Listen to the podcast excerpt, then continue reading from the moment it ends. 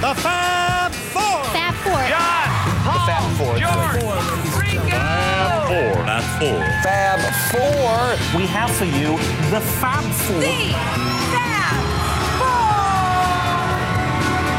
Four. Fab Forecast. Wait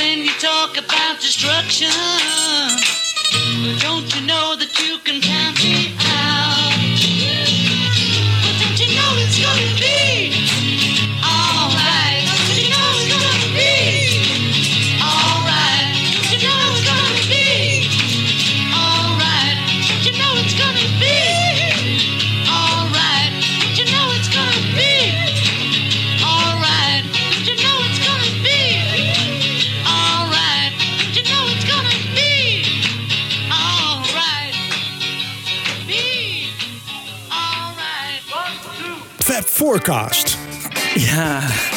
Welkom luisteraars terug van vakantie. We zijn weer helemaal fit en eh, ready to go met Wibo. en Michiel. En mijn naam is Jan Kees en eh, ja, we zitten hier in de studio en we gaan weer een nieuwe serie beginnen eigenlijk. De Dubbele Witte, 50 jaar geleden. Daar gaan Ja. we mee eh, starten. Leuk. Aflevering 1 van 100 of zo. Wat wordt het? Zoiets. nou, we hopen dat het niet al te lang... We gaan ook af en toe wat nummers in één aflevering samenvoegen. Want anders zou het veel te lang worden. Maar, eh, Ja, en af en toe ook en- wat andere thema's eh Ja, eh, sowieso. de Doen shows. Het is niet één Nee, reeks White nee, Album. Nee, nee, nee, nee, zeker niet. Zeker niet. Ze, ze worden iedere mooi afgewisseld met, eh, met andere afleveringen. Ja. Dus daar eh, gaan we mee, eh, mee bezig. En eh, vandaag starten we met de dubbele witte. En die begon eigenlijk, eigenlijk zou je kunnen zeggen, begon die al in India, waar ze allerlei muziek hebben geschreven. Toen kwamen ze terug en zijn ieders weegs gegaan. En op 28 mei kwamen ze samen bij George thuis en hebben daar een aantal demo's opgenomen. Nou, daar gaan we ook nog wel eens wat meer aandacht aan besteden. Af en toe zullen we wat fragmenten ervan laten horen. Dit was er één van, Revolution. En ehm, ja, John die had eigenlijk bedacht als eerste nummer van die nieuwe serie. We gaan nu weer de, de, de studio in. Ze hadden zeker een aantal maanden gereserveerd. En eh, hij dacht, eh, ik wil een statement maken. En eh, de luisteraars kunnen zich misschien nog wel herinneren... toen de Sgt. Pepper opnamen begonnen... toen begonnen ze met Strawberry Fields en Penny Lane. En dat werden de singles. John dacht, als ik nou alweer met een single begin... Ik, ik, maar ik, kom met een nummer en dat brengen we gelijk uit.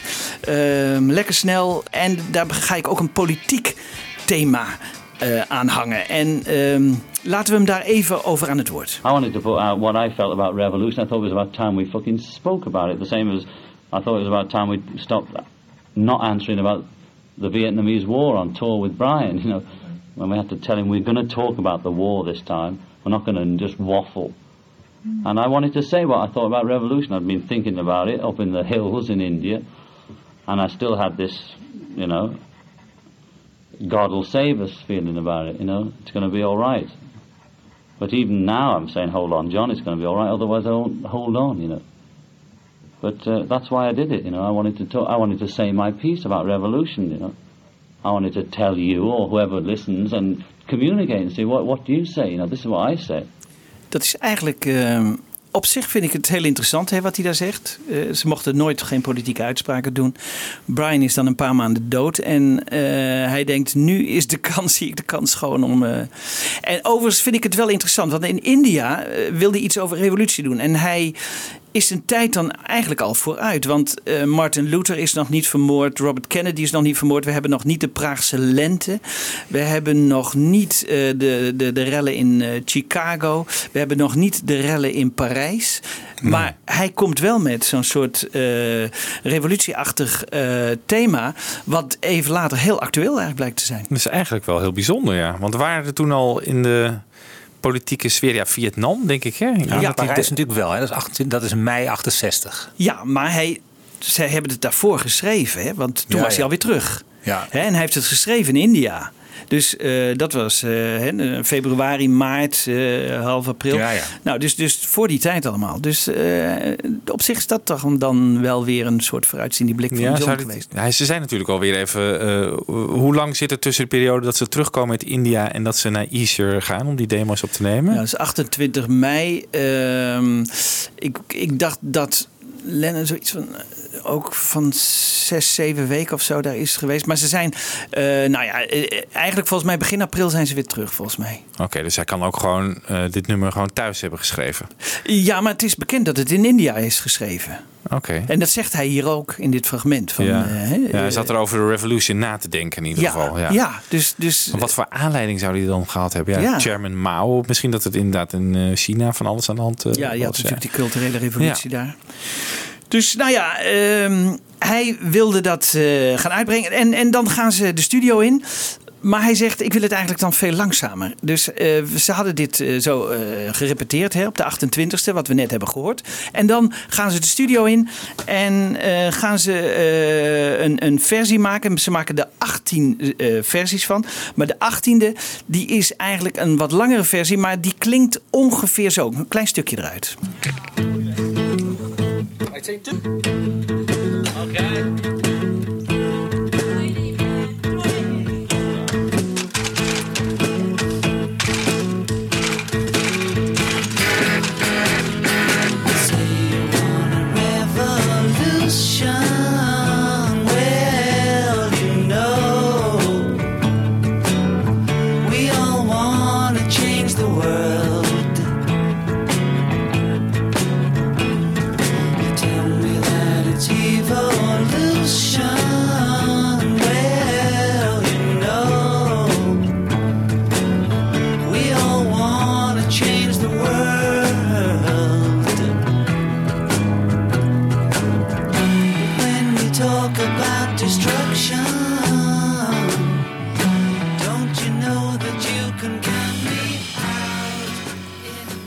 Ik heb me altijd afgevraagd wat dat eh, gerammel aan het begin is de hele tijd. Ja. Het Ja. lijkt alsof iemand een of ander... Zo'n rakelaar of zo. Ja, zoiets. Ik weet niet wat het is of dat... Nee. Mooi die bas eh, van McCartney zo. Ja. Die hoor je normaal niet zo goed eh, als hij... Dit nummer duurt 10 minuut 17. En we gaan er zo meteen helemaal naar luisteren. Dat is interessant. 10 minuut 17. En hij gaat maar door en hij gaat maar door. En op het eind eh, heeft John allerlei geluiden in gedachten die hij er overheen wil zetten. We hebben dan eh, overdubs van, van John en, of nee, van George en Paul die Mama Dada, Mama Dada noemen, eh, roepen. En we hebben Shooby-Dooba, Shooby-Dooba wordt er nog. en en, en er- zijn nog wat effecten en zo die er overheen zetten. Bijvoorbeeld, John komt met tape loops aan. Die wil hij er ook overheen zetten. Bijvoorbeeld deze tape loop waar hij dus A roept.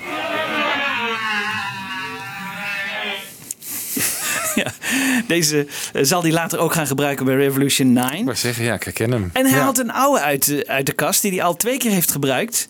En voor de eerste keer bij Strawberry Fields. En toen was, het- toen was het bedoeld als een soort treingeluid. Het is een elektrische gitaar die wat op een trein lijkt. Eh, laten we daar ook even naar luisteren.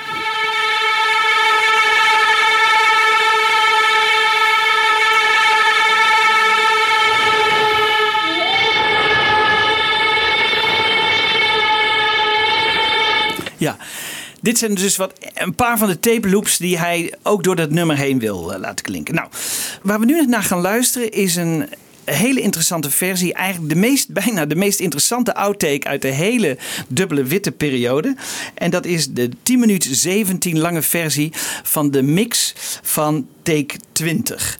En wat we daarvoor, ik heb daarvoor een stukje geplakt wat er eigenlijk voor hoort. En dat heeft Joko opgenomen op de cassette recorder. Die was aanwezig, Joko, daar zullen we het zo meteen nog eh, veel verder over hebben. Maar Joko neemt dan op, die zit dan in de controlekamer van Studio 2. Hè? Misschien kunnen jullie dat, de, de fans, ik weet dat misschien die trap naar boven en daarboven daar zit eh, Joko. En daar zit John dan ook. En eh, die bepaalt op welk moment die tape loops erin moeten komen. En ehm, we horen dus eerst een stukje in de controlekamer. De eerste paar minuten zijn in de controlekamer. En op het moment dat ze gaan mixen, dan horen we echt wat er op de tape staat. Want die tape die neemt John later mee naar huis om te, om te beoordelen. Maar het is, een, het is een hele interessante. Hij is van eh, dinsdag eh, 4 juni. Joko zegt eh, dinsdag 6 juni. Daar heeft ze het fout in, maar het is dinsdag 4 juni. En dat zij daar aanwezig is, is natuurlijk al heel bijzonder. Dat ze wat mag opnemen op een cassette recorder, is natuurlijk ook heel bijzonder. Want we hebben eigenlijk nooit één opname van een mixsessie van de Beatles. Hè, Dat je echt hoort van. Nu hoor je John bijvoorbeeld zeggen: Ja, ik wil eh, een beetje flanging. Dat, dat bedoelt hij dat, dat, dat, dat een beetje dat zweverige geluid. Op een bepaald moment bij Mummy Daddy. Hè, eh, dus hij geeft al aanwijzingen wat hij eh, straks wil, ehm, wil laten horen in de mix. Dus John die heeft een hele belangrijke zeggenschap in die mix. Dus je hoort eerst even in de controlekamer en daarna 10 minuten 17 de hele lange take 20 die uiteindelijk zal ehm, leiden tot Revolution number 9. Maar daar komen we zo meteen op. Oké, nou ga er even lekker voor zitten. Hello, can you hear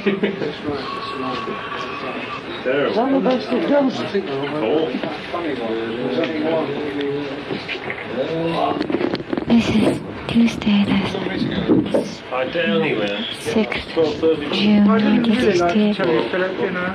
It's always complex. Keep drawing that. I am here. So you do doing that.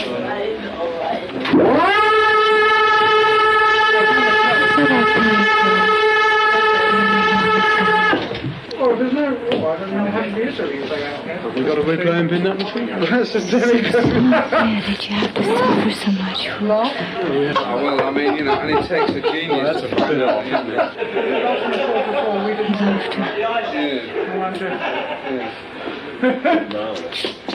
First thing you look. Good night. Just a very beautiful grandparents.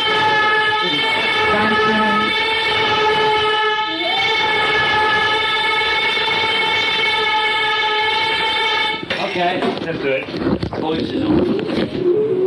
Which one? We'll have the, the new voices.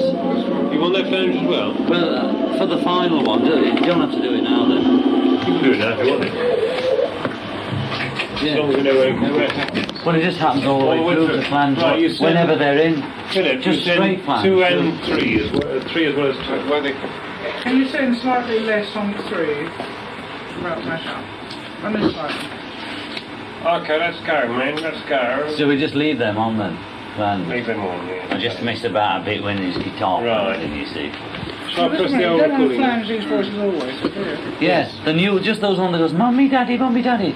Like, they come in towards the end anyway. Yeah, so yeah. can the rest. Wait a minute. But what else is on it? There's nothing else on that track. No, but we had to set on that machine what we want to flange, you see. Well, we only want to flange, so it won't harm it, will it? Oh no, no. So what are you saying then? Well, no, I say, you confused me, I see, right. Let's go, baby. Come on. Like we did last summer. Uh, right, everything, Okay, less of the new tracks, that's all, on. on the beginning. All right, more of that. Revolution, RM1 of take, Don't worry. Take your knickers off and let's go. as you said. I'm so happy to be here. It's so wonderful. Revolution take 20.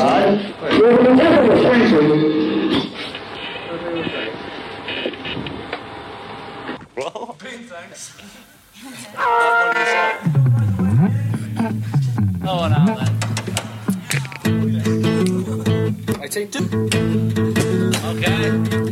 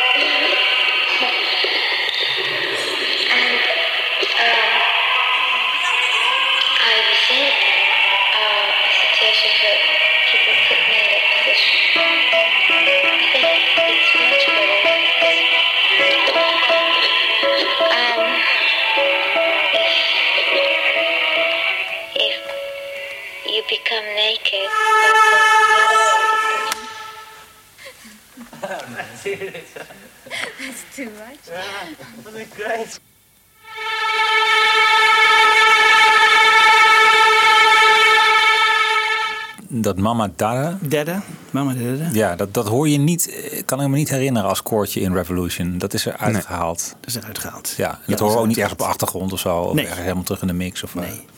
Het is eigenlijk een beetje georchestreerde chaos eigenlijk. Zit John nog steeds een beetje in die psychedelische fase, zou je zeggen? Terwijl Ja. Paul daar eigenlijk al uit is met Lady Madonna daarvoor. Ja, psychedelisch. Het is meer Stockhouse en zo. Hè? Die, die, die, die kant op. Eh, die, die, Maar wel met effecten zo. Niet, niet back to basic of zo nog. Terwijl Nee. het nummer zelf dat wel in zich heeft. Ja. ja. Maar dat, hij, hij sleept er toch weer allerlei soorten geluidseffecten bij. Ja. En die andere Beatles zeggen, ja, dit, dit- gaat te ver eigenlijk. En toen heeft hij gedacht, oké, ik haal die laatste zes minuten haal ik eraf. En die gebruik ik als basis voor Revolution nummer 9. Dus Ja. die, dat, dat heeft hij dan in gedachten. Dus hij wil eigenlijk het begin wil hij dan wel overeind laten, zoals het is opgenomen. En die laatste zes minuten met die complete chaos en al die geluiden als basis voor Revolution nummer 9. En daar dingen aan toevoegen. Maar daar, daar kom ik dan bij Revolution nummer 9 wel, eh, wel eh, op. Want eh, dat, dat heeft dan nog een heel interessant vervolg. En eigenlijk eh, eh, neemt hij een beetje over waar McCartney al mee begonnen is. Met eh, tape loops en experimenteren met geluiden. Maar ook daar gaan we nog later op in. Hè, want McCartney zal er dan boos over worden. En het is, di- dit is wel een interessante. Want ze beginnen dus eigenlijk al gelijk met een nummer wat zorgt voor een splitsing in de, in de groep. Hè? Want eh, ja, je hoort hier Joko heel duidelijk op, hè? eh, op, deze, eh, op deze opname. Nou, dat waren de Beatles natuurlijk helemaal niet gewend. Dus die zat in die studio. In het begin zat ze nog gewoon in de controlekamer, maar later gaat ze gewoon in de studio zitten. En ehm, nou, eh, laten we maar even een stukje eh, draaien, eh, een, een, een orgelstukje, waarbij Joko ook gaat zingen. Dat is ook wel heel grappig. Ehm, en je hoort wat elektrische gitaren. Nou ja, dit is weer e- eigenlijk eh, exemplarisch voor de, de eerste dagen eigenlijk in die studio. Waar spanningen zijn, waar Joko op de vloer is. Laten we even een stukje luisteren.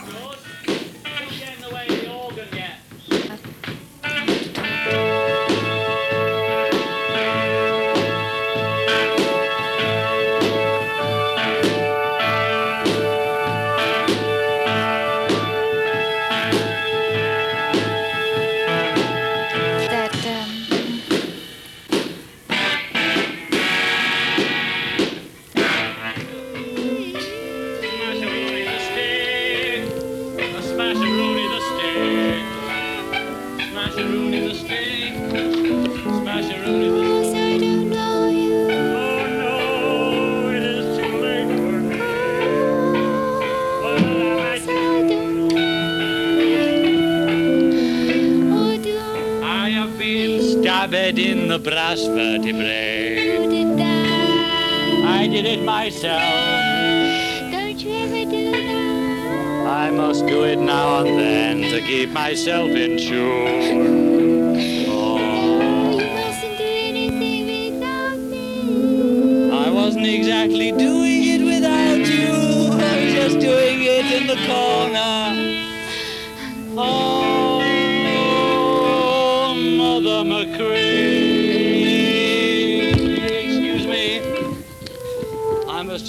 myself reek a minute. Because I'm sweating to my boots, I'm going to have a look at the photographs of the family. Ja. Het is wel belangrijk, hè, wat je zelf ook net zegt. Dat het, het eerste opnamesessie van de White Album en Joko zit er meteen al bij. Ja. Er breekt een nieuw tijdvak aan, zou je kunnen zeggen. De anderen zijn furieus. De anderen zijn echt furieus. Ja. Laten we even luisteren wat, wat, wat- hè, want het is grappig dat jij dit nu zegt, hè, want wat de anderen daarop hebben gereageerd, hè, op, dit, op dat, dat Joko daar nu zo in één keer zo'n rol gaat spelen. It must have been the White Album, and uh, Yoko just moved in. Well, John moved uh, in with Yoko, or she moved in with him, um, and uh, they were from that point on never to be seen without each other. You know, for the next few years at least, and so she was suddenly in the band. Uh, she didn't start singing or playing, but she was, you know, she was there uh, just as Neil and Mal were there, or George Martin was there. Well, the fact that I, it was no longer the happy-go-lucky foursome, fivesome with me that it used to be. There was another person uh, in the studio whose thoughts were actually, even if they weren't spoken, they were impinging on what we were doing. So it was un, it was uncomfortable. They spent all their time together. Like during the White Album sessions when she got sick, John moved her bed right into the studio. One of the things I'd done for years, you know, was uh, keep everybody out of the studio, you know, because it's not a playground, you know, it's uh, it's a working environment, you know, and um, so there'd never ever really been anybody in the studio that wasn't part of making the music, if you like. Trouble was for us, um, it encroached on our framework that we had going. Basically, it's only ever been the four of us in the studio, maybe with uh, Neil and Mal as the two roadies, or George Martin up in the control room. Often, he only ever came down occasionally, or an engineer came down to fix a mic. But that was it. And uh, in our whole recording career, that had been the setup. It wasn't just that Yoko, um, you know, or op- opposed to the idea of having a stranger sitting there. There was a definite vibe. That's what bothered me. It was like a weird vibe. Because Yoko at that point didn't like, I mean, maybe now if you talk to her, she may say, well, she likes the Beatles or she liked the Beatles. But at that point, she didn't really like the Beatles because she saw the Beatles as a something that was between her and John. And so the vibe I picked up was that she was kind of like a wedge that was trying to drive itself uh, deeper and deeper between him and us. And George gave her was insulted her right to her face in, in in Apple office at the beginning, just being straightforward. You know that game of well, I'm going to be upfront because this is what I've heard. And Dylan and a few people said you've got a lousy name in New York, and uh, you you give off bad vibes. That's what George said to her, and we both sat through it. And I didn't hit him. I don't know why. I, I couldn't believe it. You know. Ja, ja. Dus in, toen George bij eh, Dylan was in Woodstock en zo, toen hebben ze al eh, over haar eh, lopen roddelen. Ja. Van bad vibes. Bad vibes. En je hebt een slechte naam. Ja. Ze heeft natuurlijk al een naam gevestigd in New York. Als kunstenaar. Ook George is hier dan wel weer gewoon echt recht voor zijn raap. Gewoon eerlijk, hè? Ja. Dat is het mooie aan. Ja. Ik kan me ook herinneren... in Ja, ik vind het ook mooi dat hij het in perspectief plaatst van... ze kan zal nu wel zeggen dat ze de Beatles aardig vindt. Ja, Maar, het maar was toen- onmiskenbaar zo dat het toen heel naar was. En eh, er was eigenlijk gewoon geen respect voor... Nee, en zogenaamd had ze ook helemaal nog nooit van de Beatles gehoord in die tijd. Ja. Dat lijkt me ook onmogelijk. Maar... Ja. En Ringo trouwens, die begint over dat bed in de studio. Maar dat is, in, dat is tijdens Abbey Road. Ja, Eh, dat is. Abbey Road. Als ze terugkijken, ze, ze wisten een beetje met elkaar. Ja. Ringo heeft denk ik ook het minste last gehad van Yoko.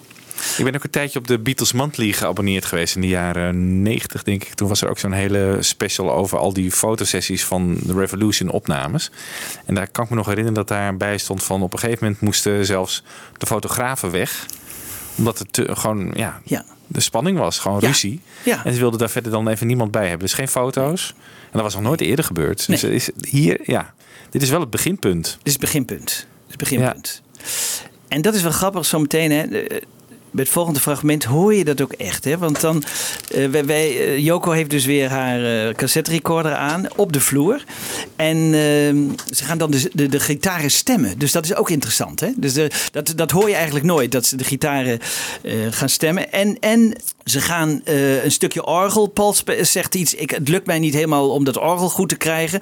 En dan maakt John zo'n opmerking van, nou ieder ander kan dat spelen of zo. Dus dat, Hmm. dat is al... eh, hij, hij merkt gewoon aan die anderen dat, dat die Yoko niet mogen. En, en als reactie daarop wil hij dat alle instrumenten keihard gezet worden. Dus dat, dat de versterkers heel hard gezet worden. En, Hmm. dat, en Jeff Emmerich zegt, nee, dat, dat kunnen die microfoons niet aan. Als je alles wat zachter zet, dan, dan komt het net zo goed over. Maar John wil dat niet. En die, die wil dus dat alles heel, heel hard eh, ge- ge- ja, Gespeeld ges- wordt, gespeeld ja. wordt. Eh, laten we maar even luisteren naar, eh, naar een klein stukje van, die, van dat tunen van die gitaren en, de, en het orgel.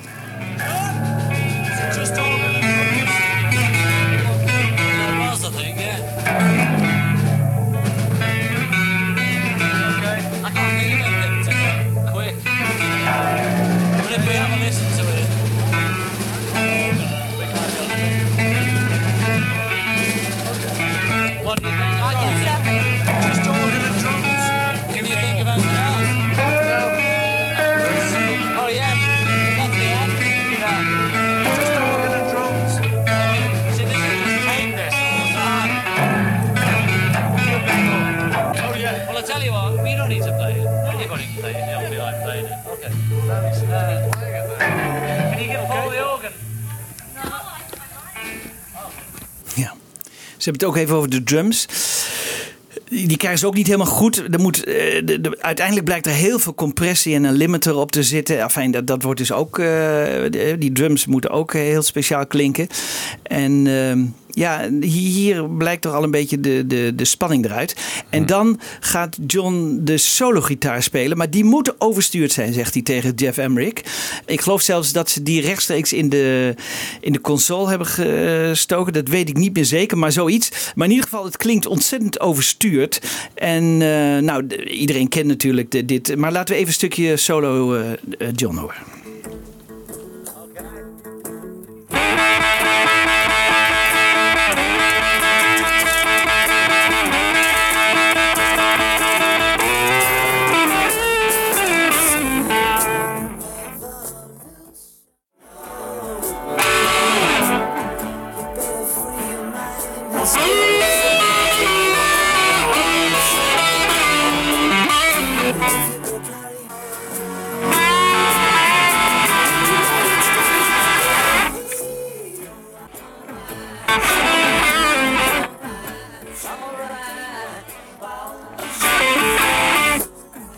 herkenbaar, hè? Dit, eh, Zeker, maar ik heb ja. het even losgesneden en dan is het natuurlijk helemaal leuk om te horen. Maar je, je hoort gewoon dat die gitaar, dat, dat klinkt... eh, ja, en Nooit bij nagedacht dat het John was eigenlijk. Nee, hè? Nee. Nee, maar de- Ja. ja, je, je hoort bijna die spanning, die, die spat er bijna van af. Het is echt eh, hij, de- de- alsof hij de frustratie van zich af wil spelen.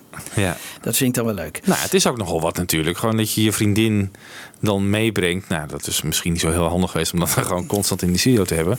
Maar dat iedereen op je vriendin afgeeft. Ja. Dat is toch ook nogal wat, hè? Dan Ja. zou ik ook heel kwaad worden. Ja. Ja. Ja. Maar goed. Ja. Ze vraagt er eigenlijk wel om met haar gedrag natuurlijk. Eh, ja. Ja, terwijl als je die, die- want dat, dat- is wel een uur aan materiaal wat ze allemaal heeft opgenomen. hè. En, en dan is ze nog wel vrij bescheiden in het begin. En eigenlijk nog niet eens zo onaardig hoor. Ik bedoel, ze, ze ze zegt dan, oh ik, ik, ik hoop eh, dat John me aardig blijft vinden en zo en dat soort dingen. Dus ze is dan nog vrij onzeker ook. Dus dat is wel grappig. Dat, is, eh, dat zijn fascinerende tapes die, eh, die ze toen heeft gemaakt. Ja. Hoe zijn die nou ooit uitgelekt dan, die tapes? Via de Los Lennon tapes, hè? want toen Ah, hebben ze al die tapes gekregen en eh, Ja, ja, ja. toen is dat gekopieerd. Dan aan het begin van deze opname, eh, eh, Michiel Wiebo, jullie, jullie kennen dat. Dan hoor je take two. Hè? Dan, Ja. Take two. Take two. Ja, ja. Oké. Ja. Mark Lewis zegt dat daar gezegd wordt take 18 door Jeff Emmerich. En Emmerich zelf zegt: nee, ik zeg take two. En ik praat er dwars doorheen omdat ze al begonnen waren met muziek. Ik denk, ja, volgens mij is het gewoon George, George Harrison die dat zegt. Wat ik nu heb gedaan is het een beetje uit elkaar getrokken, maar dat je het even goed naar kunt luisteren. En eh, ik ben wel benieuwd, uh, Wiebo, eh, laat jij ook je gedachten dus over gaan. Ja, dat is goed. Ik ga even luisteren. Oké.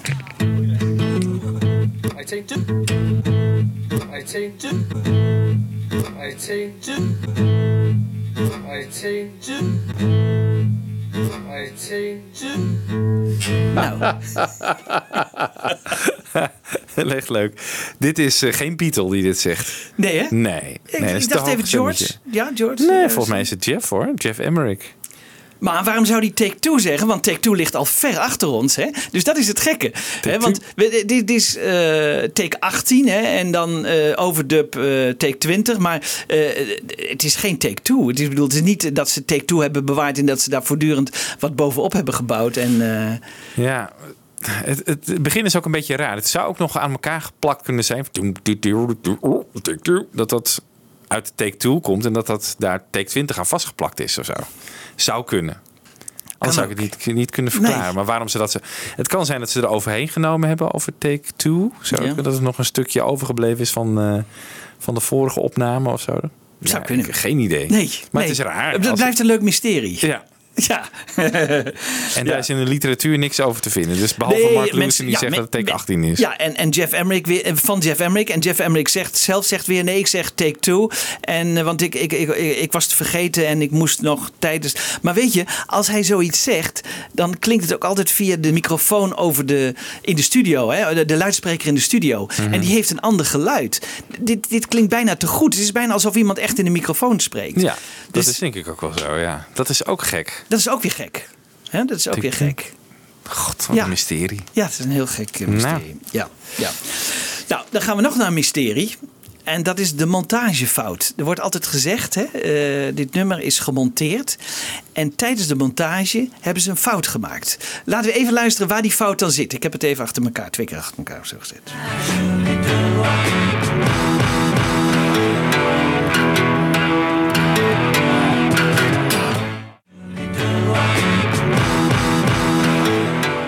Mooi hè? Ja. Dat vond ik altijd zo mooi. Denk ik.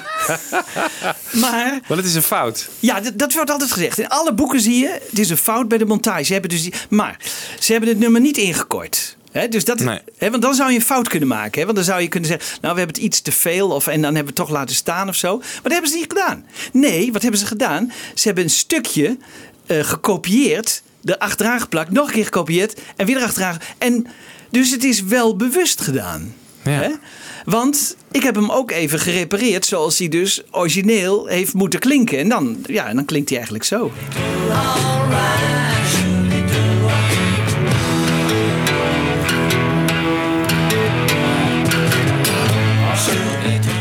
En zo komt hij dus uit de oorspronkelijke take 20. Zo komt hij uit de oorspronkelijke take 20. En, en dat is toch eigenlijk heel vreemd, hè? Want eh, hier, is, hier is niks aan gemonteerd. Ze hebben, dus, e- ze hebben het wel gemonteerd. Ze hebben het er extra tussen gevoegd. Ja, Ja. vond dat waarschijnlijk mooi. Ja, dat zou kunnen. Ja. Dung, Dus dung, dung, dung. weten we dat niet uit die mixtapes? eh, want Nee. nee. dat, Nee. die gaan we niet zo, zijn niet nee, zo die, die, zijn niet, die houden dat, weer, dat soort dingen niet bij. Dus eh, ja, het is eigenlijk heel grappig. Hè? Dat, Ja. dat, eh, maar ik denk dus dat het een, een, een expres gebeurd is. Dat hij wil het doen, dat, dat Ja, ik vind het ook wel cool klinken Ik hoor. vind het ook heel cool, Ja. cool klinken. Ja. Maar het is dus geen montagefout, laat maar Nee, zeggen. nee. Dat, eh, Hm. Dan is dit nummer eigenlijk eh, klaar. Maar eh, hij vraagt aan eh, John Lennon, vraagt aan George Martin: wil je er nog wat instrumenten aan toevoegen? Hij geeft ook e- exact aan wat voor instrumenten. Dus dat is wel leuk. Maar George Martin mag dan vanaf nu. Hè, ik denk ook dat, dat bij John Lennon was het altijd al zo. Mocht hij altijd alle arrangementen al maken. Maar vanaf nu maakt hij ook alle arrangementen weer voor Paul en voor George. Ik denk dat ze dat aan het begin van de, van de sessie hebben afgesproken. Hè, van George, nou ja, hoe het, hè, want het ging natuurlijk bij Lady Madonna ging dat al helemaal fout met die saxofoons en zo. Ze zagen zelf alleen dat dit het niet was en dat ze het toch beter aan eh, George Martin kunnen overlaten. En dus vanaf nu eh, doet George Martin niet alleen de arrangementen voor John, maar ook weer voor Paul en voor George. Oké. Laten we even luisteren wat hij er dan aan toevoegt.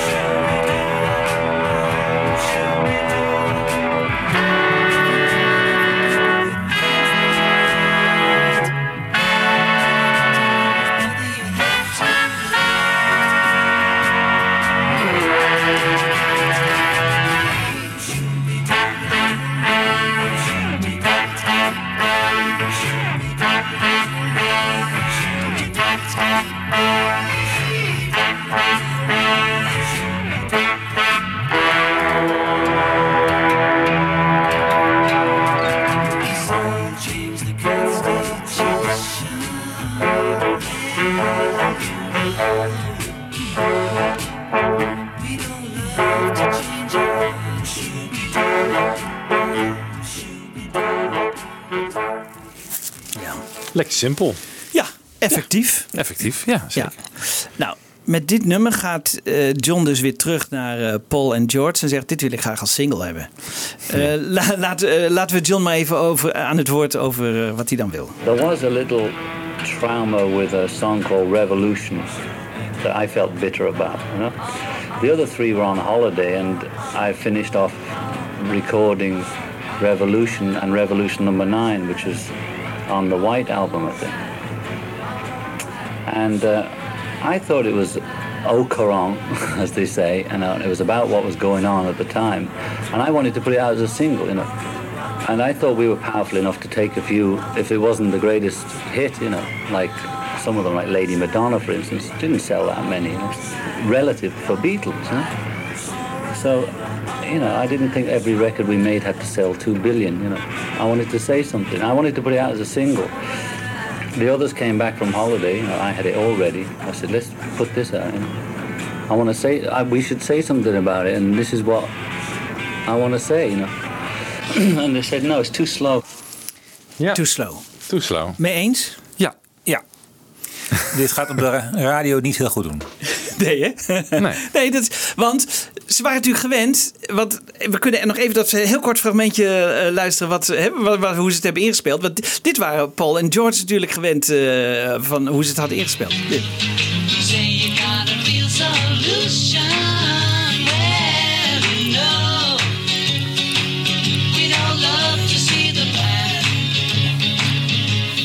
Ja, het is dan wel gek dat John het in de studio dan eh, opeens heel erg langzaam wil Heel gaan erg spelen. langzaam wil gaan spelen. Ja, Ja, dat Ja. snap je dan toch ook niet? Ja. Hij klaagde ook over help ooit, hè? Ook, dat hij dat ook misschien wel. Dat wilde toch- hij langzamer. Ja, dat wilde hij ook ja, langzamer. Ja, dat is waar. Dat wilde hij langzamer, ja. Want hij zegt, en hij heeft een beetje gelijk hoor. Lady Madonna maakte niet een hele grote eh, Nee. klapper. Hè? En, eh, dat- dus, en, en hier konden ze toch een mooi statement mee maken. Is zijn, eh, is zijn verklaring dan. Dus daar hadden ze toch wel als single kunnen uitbrengen. Maar ja, zijn doel was gewoon anders. Hij zei van, we moeten niet voor die miljoenenklapper gaan. We moeten bewust voor een nummer gaan dat iets zegt. Ja.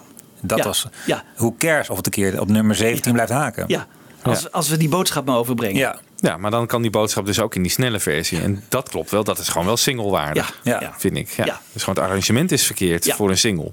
Ja. Nou, Op die snelle, hè, daar komen we later nog op terug. Want Ja. dat gaan ze later opnieuw eh, opnemen. Hè. Dus eh, goed. ehm, hij gaat eh, aan de slag met het tweede deel van, eh, van dit nummer.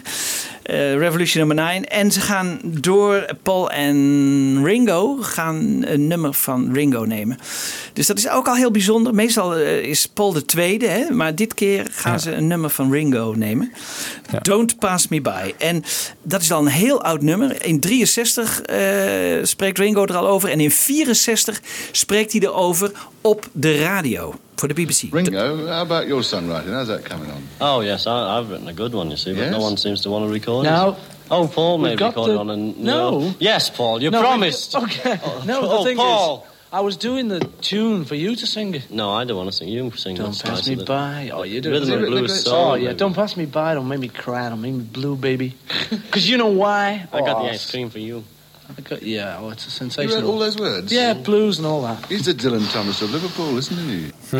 De Dylan Thomas of Liverpool. Dan heeft het dus ook wel echt over Paul. Hè? Gewoon. En Ja. dan gaan ze het ook met z'n tweeën gaan ze het laten opnemen. Dat is heel leuk, hè? Ja. ja daar heb je gelijk in. Ja. Ja. dat is wel grappig. Helemaal niet met John of zo, nee, met Paul.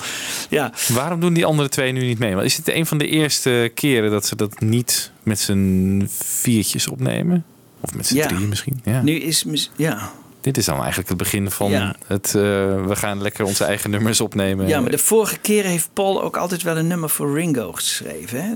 Ja, maar goed, dat namen ze altijd wel met z'n vieren op. Dat namen ze wel met z'n vieren op, ja, dat is waar. En nu is het opeens twee. Ja, maar het komt omdat John nu, eh, die is fragmenten aan het zoeken voor Revolution Number 9. Dus die heeft het druk en die eh, heeft er eigenlijk niet zo'n interesse, heeft hij nooit hè, een interesse in andere nummers dan van Paul om daaraan mee te doen. Hè? Van Nee. George al helemaal niet. En, eh, Nee, nee. dus van Ringo. eh, Dit is van Ringo ook niet echt. Nee, niet echt. Ringo die, die speelt tegenwoordig hè, eh, ook in Europa weer live. eh, we hebben het helaas moeten missen in Hamburg. Maar eh, als we hem hadden kunnen zien, dan hoor je hem zelf even op de piano spelen. Dat is wel grappig. Misschien kunnen we daar even naar luisteren. Want dan kun je ook een beetje horen hoe Ringo dat nummer zelf heeft gecomponeerd. Ik denk dat het zo ongeveer ook gegaan is achter de piano. Anyway, it's the first song I ever wrote, and it's called Don't Pass Me By. Listen for your footsteps coming down the drive. Listen for your footsteps, but they don't arrive.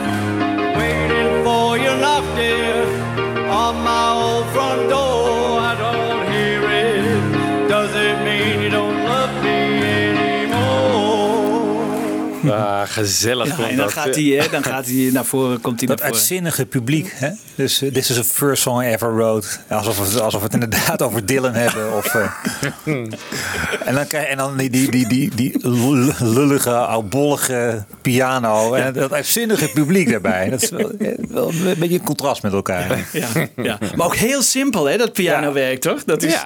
En dat is, past helemaal bij Ringo eigenlijk, vind ik wel. eh. Het schijnt een favoriet van eh, de leden van de band eh, geweest te zijn, hè? Van de Oh, ja? White Album. Ja, die waren helemaal gek van Don't Pass Me By.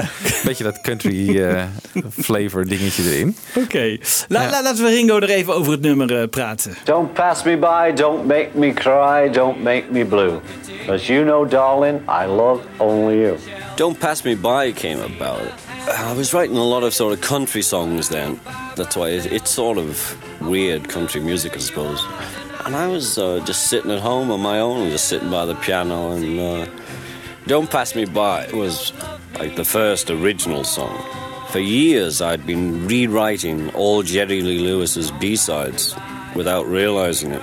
So I'd come in the studio saying, "Yeah, I've got this little song," and when the boys got off the floor with hysterics, they'd point out that it actually had been done. That song it was written like 40 years ago. I, I actually didn't realize I was rewriting old songs.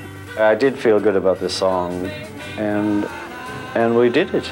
And you know, I was uh, really excited. You know, it's like we were talking about before. It was my first song, and it was really exciting. You know, to get it down.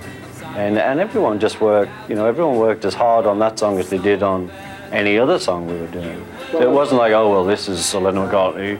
Oh, this is one of yours. We give you ten minutes. I mean, everybody worked to the full. Everybody, ja. Ja, ja. ja, je gaat het geheugen een beetje met hem op de loop. Maar goed. Ja. eh, Maar je kan het je wel voorstellen. Het is zijn allereerste nummer natuurlijk. Dat het kind of exciting zijn. Ja, Ja. lijkt mij ook. Ja, Ja. ja. In 64 spreekt hij, eh, eh, dus in, in de zomer van 64 spreekt hij er al over. Hè? En, en dan eh, McCartney. die, zingt dat dan Die zingt het al, ja. dus, dus hij heeft het al een heel stuk af. Ja, maar Ja, ook dat- grappig, ja. Dat, dat steeds... de- When they got off the floor, laughing. Wel die andere. Ja, je hebt er weer één herschreven. Ja, fantastisch beeld ook, ja. Ja. Dan, maar het gekke is, ehm, dan gaan ze het opnemen hè, en dan moet er altijd een titel gegeven worden. Eerst heet het Ringo's Tune, hè, dus dat is helemaal. En dan This is Some Friendly. Hè, dus eh, helemaal niet van Don't ja. Pass Me By, maar This is Some Friendly. Waar dat vandaan komt, het is echt, eh, ja. Ehm, Paul zegt, laat mij de piano maar doen. Dus eh, laten we even horen. Paul legt de basis op de piano. Laten we even een stukje luisteren naar eh, Paul.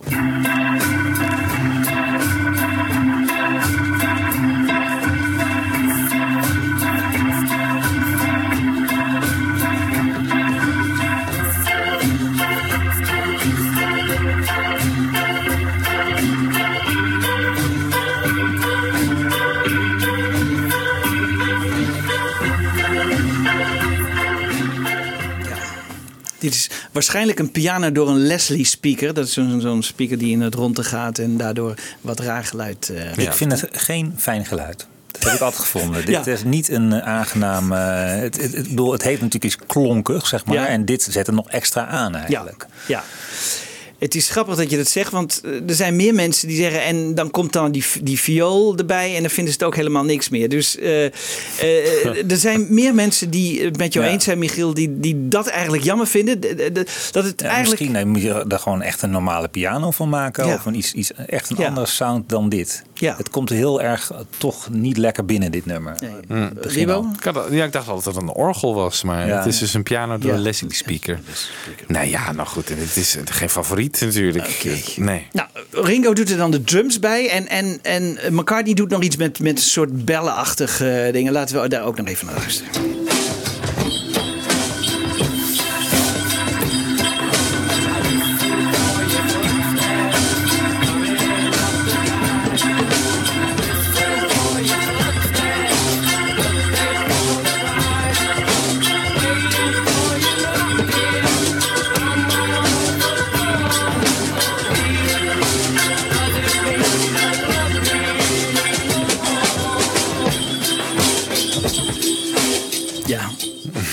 Balletje erbij, ja. Ook Ringo kan hier niet veel mee op drums. Hè? Ik bedoel, dit Nee. is niet een nummer waar je nou op kunt excelleren.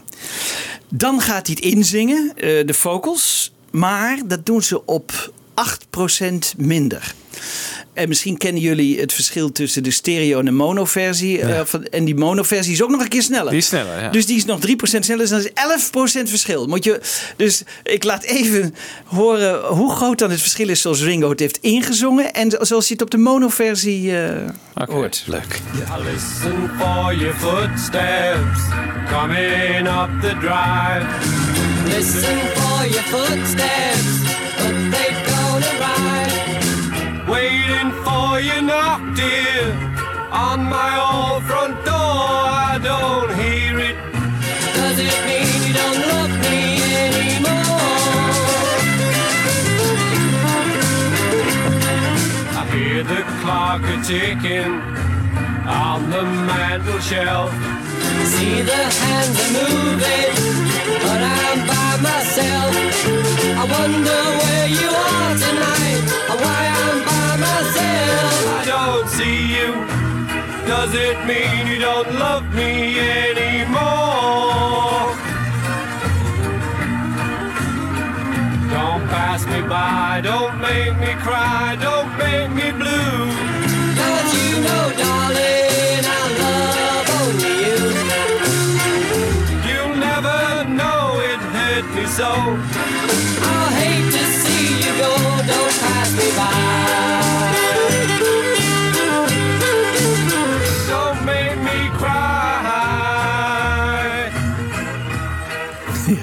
Halleluja, wat een verschil. Wat een zeg. verschil, hè? Het is bijna een puber die, die je daar dan hoort zingen als hij in die Ja, versnelling... ik ken het bijna niet eens meer als Ringo. Misschien dat ik het daarom de- beste versie vind. ja. Dat- Ja, de dat- mono-versie, ja. Ja. Die Ja? zin, you were in a car crash and you lost your hair. Is daar, zijn er nog eh, Nee, dat, verklaringen voor? dat wordt Ringo eh, niet kwalijk genomen. Nee. Paul is dood, hè? Toch? Ja. Idiote zin, Ja. toch? Ja. Maar goed, daar, dat, daar gaan Nee, we... daar is nooit iemand over Nee, gevallen. daar gaan we ook niet diepere gedachten achter Nee, zoeken. want dat, eh, eh, hè, ze waren allemaal blij dat Ringo zijn eigen nummer had. eh, ge- ja. hè, dus eh, Ja, op de Beatles Bible zegt ze dat het verwijst naar James Man Jane Mansfield. Jane Mansfield, ja. Oh, dat zou kunnen. Die had dat is kennelijk een eh, auto-ongeluk gehad. Oh, dat is interessant. Ja. Ah, oké. Op de Anthology-versie staat take 3. Daar heeft George Martin heeft er allerlei eh, dingen van de vocals van take 5 aan toegevoegd. En heeft er zelfs een soort einde aan gemaakt. Laten we even luisteren hoe dat op de Anthology, dat einde van deze take 3 klinkt. Don't pass me by.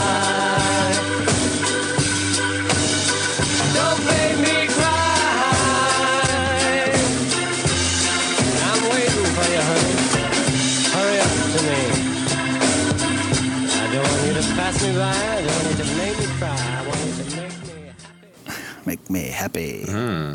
Hè, dus dit is de, dat noemen ze wel de Frankenstein-montages van, eh, van, van George Martin. Die dan ook van de outtakes wat moois wilde maken. Ja. Want als we de, het origineel horen, ik heb even een reconstructie gemaakt hoe het echt afliep. En dan hoor je dus eh, het volgende. Don't pass me by.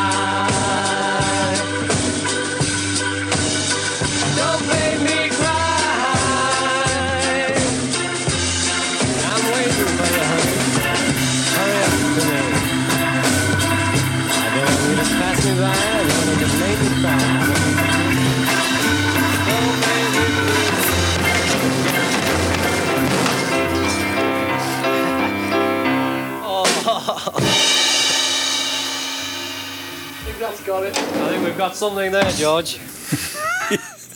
Eigenlijk vind ik dit veel leuker, toch? Ja. Dit zit volgens mij in de Anthology TV-serie, dit fragment. Ja, want dat hebben ze er wel weer even uitgehaald. Hè? Ja. Dus we hebben, het, we hebben het wel, maar het, het hoorde hier gewoon achter. Dus eigenlijk vind ik dat veel leuker. Ik vind het eigenlijk toch veel leuker als het een beetje zo in een chaos eindigt. En zo was het. Ja. Hè, het hoeft toch niet weer zo mooi te klinken dat het echt ook alweer als een heel nummer eh, af is. Hè? Vooral voor zo'n anthology. Hè? Ben je het mee eens? Ja, graag, ja. Oké. Dan wordt er een, eh, een violist ingehuurd, Jack Vallon. En dat was een, een impresario die de Beatles nog heeft eh, gecontracteerd voor eh, hun Schotland-tournee. Ach, echt? Ja. Uit 19... 61, ik geloof, 60. 61, eh, Michiel heeft het laatst nog eh, genoemd. 60, toch? Ja, 60, 60. of 1960 zelfs, eh, 60 moet je je voorstellen. En die was eh, violist geworden en die was, werd ingehuurd. Dus die- ze hadden een leuke, eh, toen die man daar kwam, alles was leuk en aardig, oude verhalen opgehaald. en hij mocht wel een beetje improviseren eh, op, die, eh, op die viool. Laten we even luisteren wat hij er dan aan toevoegt. Hè. Dus ik heb die viool een beetje losgehaald.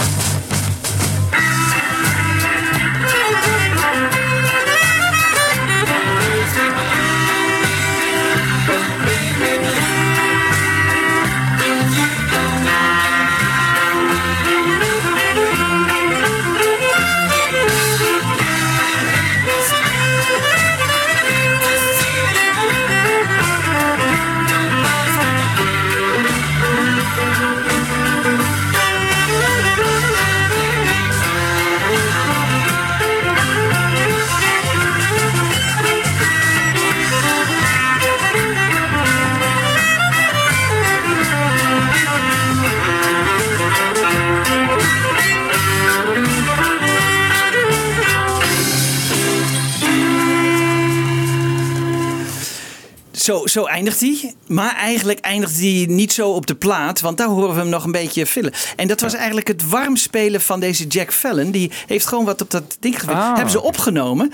En hebben ze er achteraan geplakt. Dus dat zal ik zo even laten horen.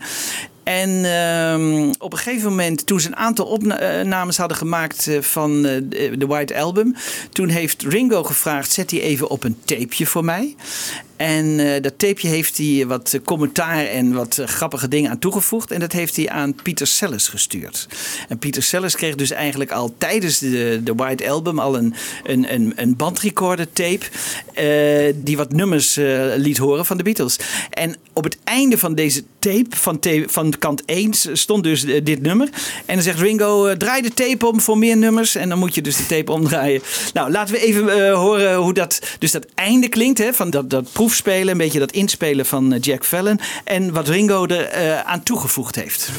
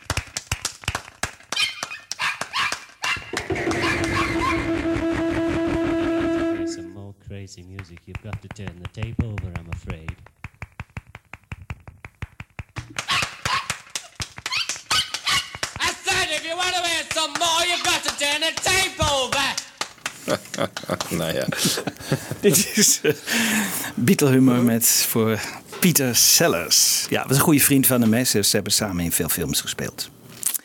Eh, oh ja, het begin. Weer niet het favoriete eh in zijn. Ik zie Michiel steeds verder wegzakken.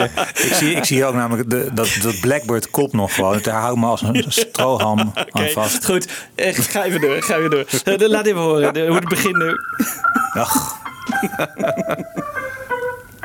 Dat is toch leuk, Michiel? Dit. Hoogtepunt van Durham. Ja. Michiel, zelfs dit, dit fragment volgens Lewison, hè? Ja, maar weg hoor. Volgens Lewison eh, eh, duurde dit fragment zelfs origineel 45 seconden. Moet je je voorstellen. Dus McCartney die daar pingelt op dat, hè, door een Leslie speaker. Maar eh, dit was volgens mij wel een elektrische piano door een Leslie speaker. Want origineel moet het, ik heb het gereconstrueerd, hè, maar moet het ongeveer zo geklonken hebben.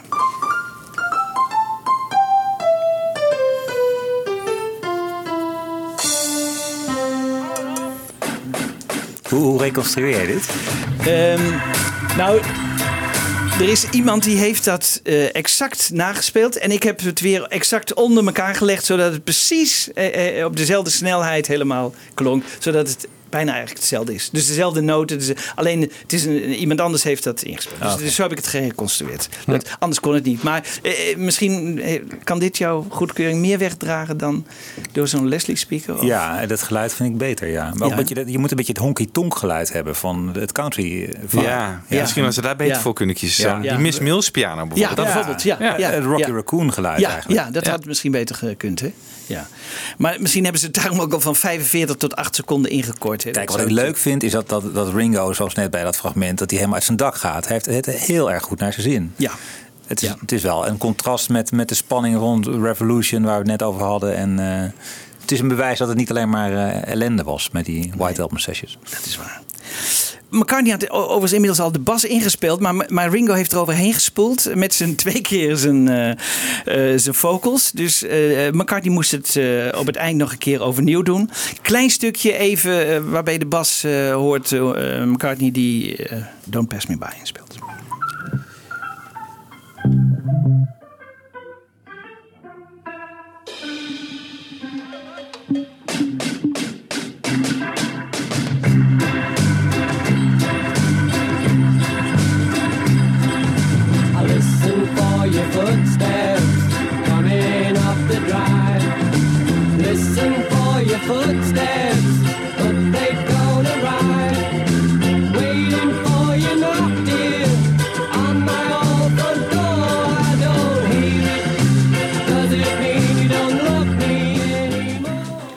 Anders kan je er eigenlijk ook niet op spelen. Hè, als Nee, bassist. boom, boom, nee. boom, boom. Het is- Ja. Nee, dit is niet eh, McCartney's finest hour. Nee. Nee. Oké. Ehm, Zijn we er bijna, Jan Kees? Ja. Michiel, nog één fragment zie ik staan. Ja. snel, snel, snel. A beginning. Eh, George Martin dacht, hè, dit is altijd een mysterie gebleven. Hè? Komt dit nu uit de film? Heeft hij het er speciaal voor gecomponeerd? George Martin zegt, ik heb speciaal voor dit nummer een begin gecomponeerd. eh, wat ook in, de- in, in de film eh, Yellow Submarine zit. Oh, maar ja. als hij het zo had bedoeld, dan had het ongeveer zo moeten klinken. Dus dan was dit het geweest.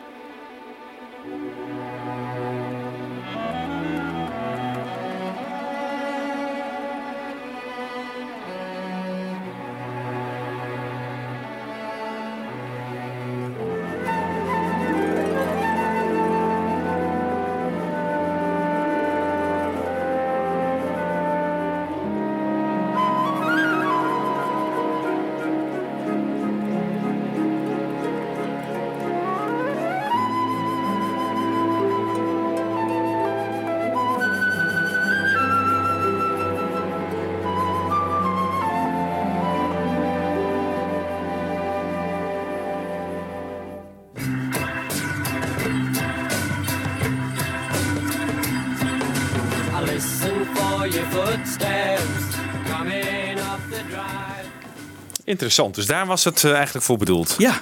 Ja. Ja. Michiel, eh, was het wat geweest voor eh, de dubbele witte om zo'n arrangement aan de voorkant te zetten? Van dit nummer, ja. Ik vind het op zich wel wat hoor. Maar ik Ja, vind het wel heel atypisch voor dit nummer juist. Ja. Ja, maar misschien daarom wel. Zo'n heel lyrisch, Ja? eh, sprookjesachtig. En dan krijg je daarna die, die honky-tonk geluiden. Ja. Dat was Ja. toch wel een beetje raar geweest. Nou ja, het, het, het het paste misschien wel bij de dubbele witte, waarin heel veel verschillende... Ik vind het wel wat hebben hoor. Ja? Ja, ja. echt wel mooier dan die. eh, Dan dat eh, rare het ja. van McCartney die een beetje zo... Ja. Ja. Misschien dat we straks... hè, Nou nee, maar dat is natuurlijk heel erg voor Michiel. Maar dat we straks eh, bij die, bij die box van de dubbele witte... dat we het hele 45 seconden horen wat McCartney ervoor bedoeld had. En eh, Ja. misschien is dat wel heel het was interessant. bij de analogs een van de hoogtepunten. hè, Nou, dat wou ik zeggen, is inderdaad, ja. Even een, een, een puntje voor nummer. En vooral die solo toen van die dame. Ja. Dat, Ja. eh, Fantastisch. Goed. Hiermee sluiten we af. Don't pass me by. Hebben we daarmee het slechtste nummer van de White Album eh, gehad? Nee. Nee. Nee, nee, nee. Wat is? Eh, Revolution 9? Wild Honey Pie. Ja, Wild Honey Pie. Ja. Denk het. Revolution nummer 9 is wel interessant. En dat zul je straks ook wel bij een volgende aflevering wel gaan horen. Daar zitten best leuke dingen in hoor. Oké. Ik denk niet dat dit... nee. Nee? Michiel? Nou, Het is Octopus's Garden is wel echt beduidend beter dan dit. Nou, zeker. Ja. Ja, dat wel. Ja, is ook meer aan, Ja, is meer aan gewerkt. Ja. Is meer, ja, maar ik denk dat McCartney, die kon best wel wat. Hè? Die kon wel, wel heel goed arrangeren. Maar die, met dit materiaal kan zelfs McCartney van, van stront geen chocola maken. Zoals het heet. Nee. Duidelijk. Ja, hè? dit was zelfs Ja. voor hem te hoog gegrepen. Ja. Goed. Goed. Maar nu? Nu. Chocola. Chocola. Krijgen we chocola. Blackbird. Blackbird. Blackbird. Heel veel nummers zijn geschreven in India. Maar dit nummer is niet in India geschreven. Maar toen Paul McCartney eerder naar huis ging, eh, ging hij naar Schotland. Ik denk nog met Jane. En eh, in Schotland heeft hij dit nummer eh, geschreven. Op de gitaar. Hij heeft het ook uitgevoerd in de bungalow van George Harrison op 28 mei. Dus een paar dagen daarvoor. Toen had hij het eind. Alleen, hij had het ongeveer bijna voor 90%, 95% had hij het helemaal. eh, alleen het eind had hij nog een beetje anders in gedachten. Laten we even luisteren hoe hij dat einde dan daarin bij George had.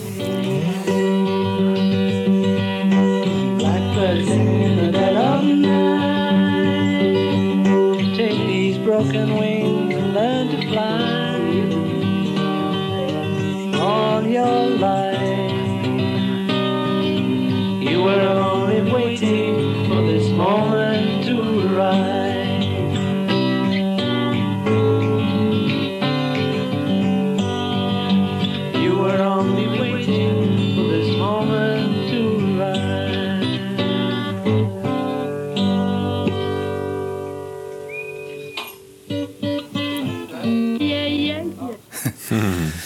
Heeft het volgens mij live wel eens zo Ja. gespeeld. Dat is heel grappig, hè? Ja, Ja. Dat, dat, dat herinner jij ook. Ja, ik zat nu in één keer te denken, voor. waar ken ik dat toch van? Maar dat is van, eh, van, van de live versie. eh. Ja, het is overigens geïnspireerd door Bach, hè? Ja, de boeré, eh, toch? Boré, daar gaat hij even over praten. En heel veel mensen denken dat dit eh, te maken heeft met de fingerpicking die eh, Donovan hen heeft geleerd. Maar McCartney is nooit daar zo diep op ingegaan. Want alleen Lennon heeft het echt geleerd van Donovan.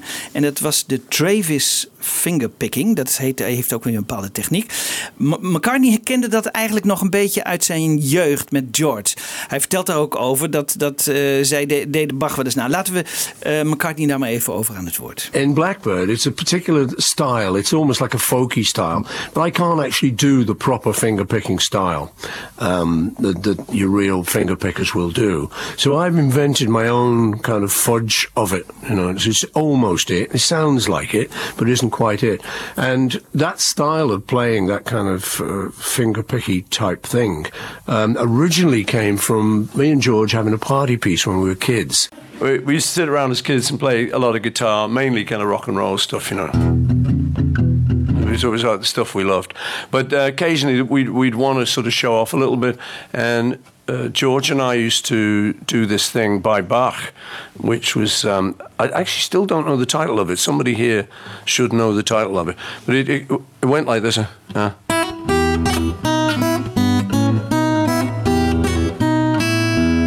It should go that was as far as we got.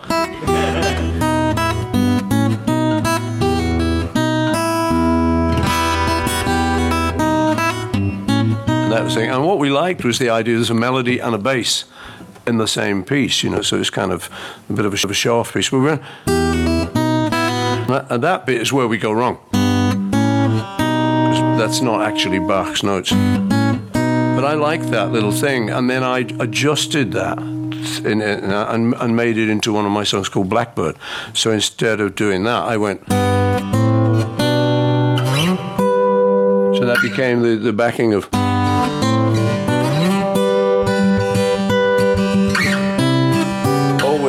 Bass line and the melody working together.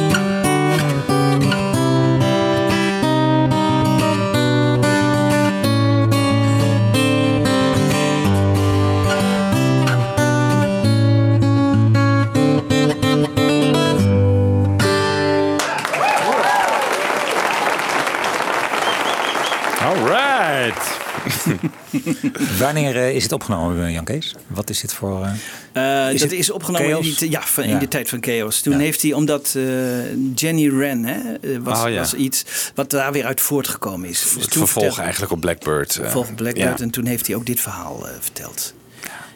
Er komen dan vele verhalen eh, komen pas later naar buiten. Daar hebben we het zo meteen over de tekst hebben we het zo meteen. Ja, in de studio. Dan gaat hij er dus mee in de studio. En dat, dat is wel interessant. Hij gaat het uitproberen. En er is tegelijkertijd is er een filmploeg aanwezig.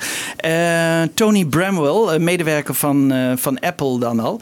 Die, eh, die maakt een film om Apple te promoten. En eh, ze, ze filmen dan eh, heel veel eh, opnamen van, van McCartney die Blackbird doet. En dat is op 11 juni. En daarom kunnen we nu wat laten horen. We, we, kunnen bijvoorbeeld laten horen. eh, het is, hij heeft het 32 keer opgenomen.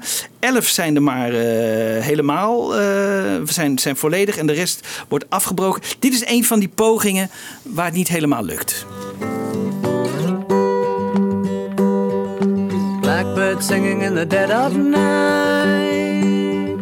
Take these broken wings and learn to fly. All your life, you were only waiting for this moment to arise.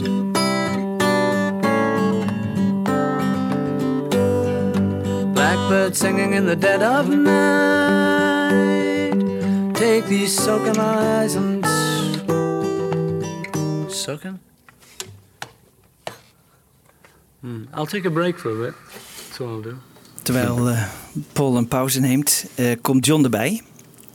En eh, John denkt, een tweede instrument zou misschien niet zo gek zijn hierbij. Dus hij denkt piano. Hè? Dus John gaat achter de piano zitten.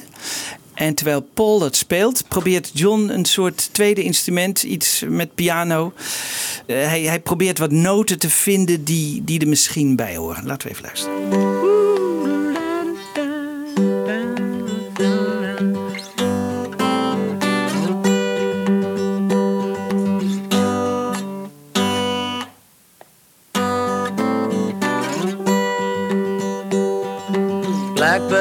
In the dead of night. Take these broken wings and learn to fly. All your life, you were only waiting for this moment to arrive.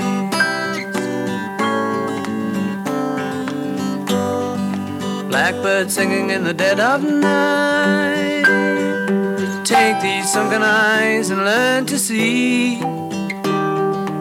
all your life. You were only waiting for this moment to be free. Blackbird fly. Blackbird fly into the light of a dark black night.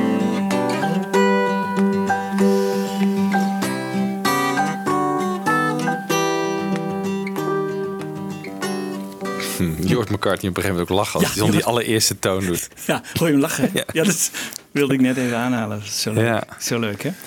Nou, McCartney zegt nee, dit is niks, piano. Dus John pakt zijn gitaar. En gaat op de gitaar wat proberen. En daar- heeft hij al wat meer gedachten over. Het is ook meer zijn instrument van John. Gitaar is beter thuis dan de piano. Dus, ehm, en die, dat filmteam, dat ziet dat John op gitaar. Dus die denkt, nou, eh, we, gaan. eh, Ik, die, geluidsman die loopt naar John toe. Dus dan, dan horen we wat meer John dan Paul McCartney. Die horen we op de achtergrond. Maar dan hoor je even wat John dan bedenkt als, als arrangement voor tweede gitaar. eh, laten we maar even luisteren. They were singing in the dead of night. These and to fly on my life. I have never seen a valley of the dead again. Blackbird singing in the dead of night. You were only waiting. Pardon?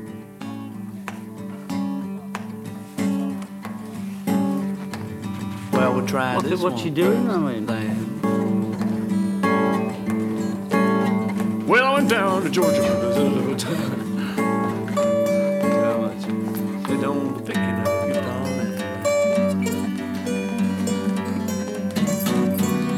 Well, up here in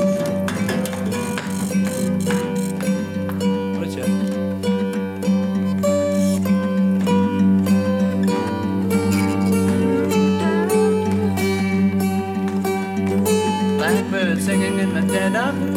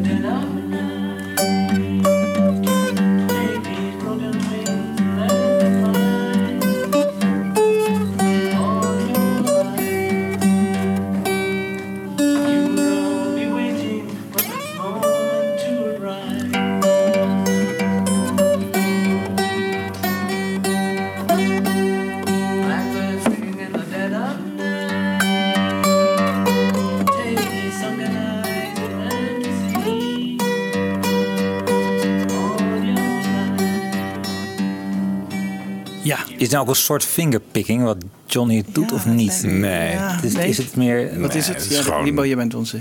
Hij probeert wat eh, eh, lijntjes eh, erin te, Ja. in te leggen. Ja. Maar niet, nee, hij speelt geen fingerpicking. Nee. Joko zit naast hem, dat Ja. hoor je, want hij zegt af en toe wat tegen haar.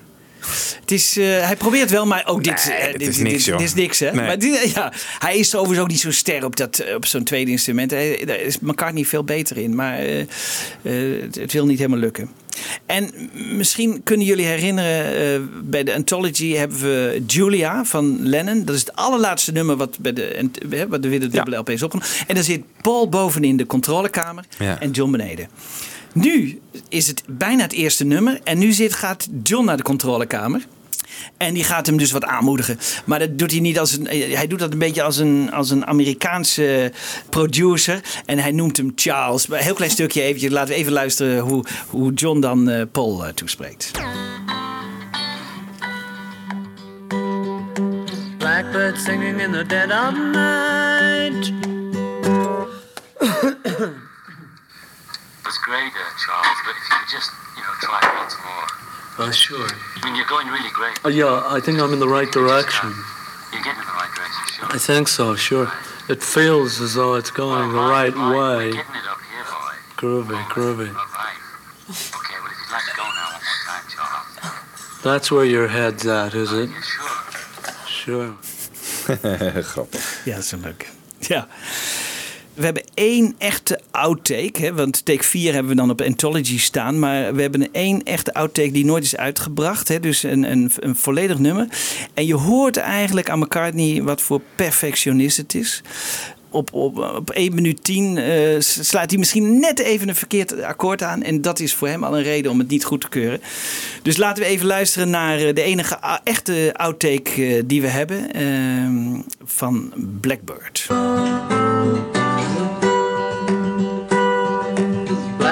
Singing in the dead of night. Take these broken wings and learn to fly. All your life, you were only waiting for this moment to arise.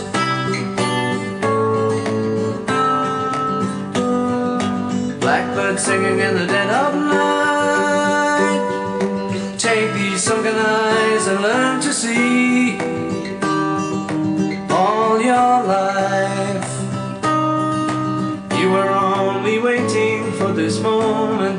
Free.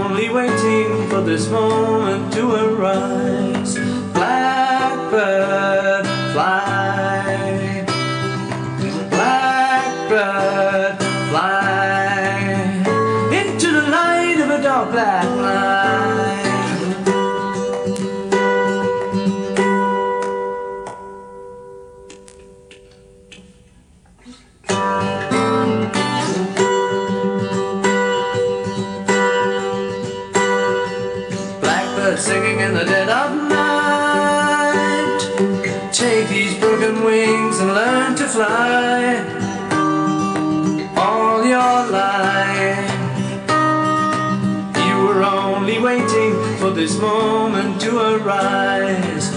You are only waiting for this moment to arise.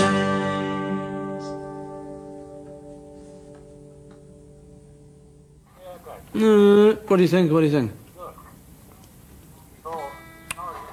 No, right, right, right. So, yeah, I think it's only a question of getting it. You know, don't see why not. Yeah.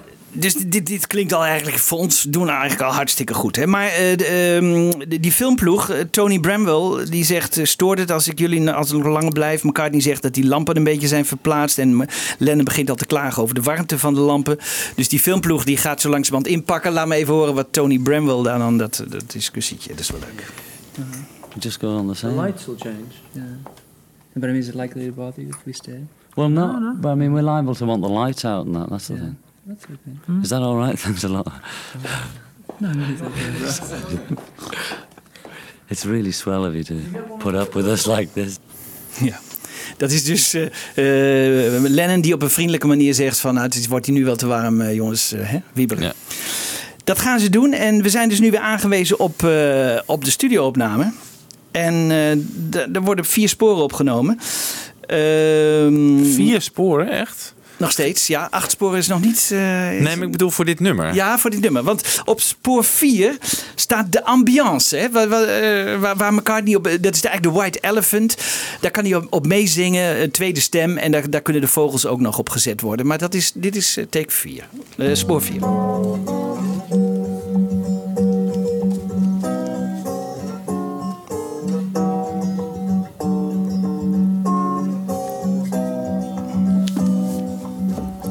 Ja. Hè, dus dat is, dat is die, die White Elephant. En, en, en daar staat eigenlijk een microfoon voor. En McCartney kan af en toe een stukje tweede Maar stem doet dus niet met koptelefoon. Nee, want die koptelefoons, dat geeft nog altijd problemen. Dat eh, heb ik ook beluisterd in... eh, ze hebben nog steeds technische problemen. Die koptelefoons, af en toe eh, doen die raar. En dat, dat heeft te maken met technische problemen in de studio. Dus dat is wel interessant. Oké. Eh, dat wordt later overigens wel opgelost. En dan op spoor 3 de vocalen van, eh, van McCartney. Blackbird singing in the dead of night. Take these sunken eyes and learn to see. All your life, you were only waiting for this moment to be free. Blackbird fly, blackbird fly into the line of a dark black night. Ja. Gedoubletracked. Gedubbeltrekt hè, op dat ene spoor wat we net hebben gehoord. Hè, dus daar heeft hij dan. En dan op eh, spoor 2 de gitaar, eh, de gitaar alleen.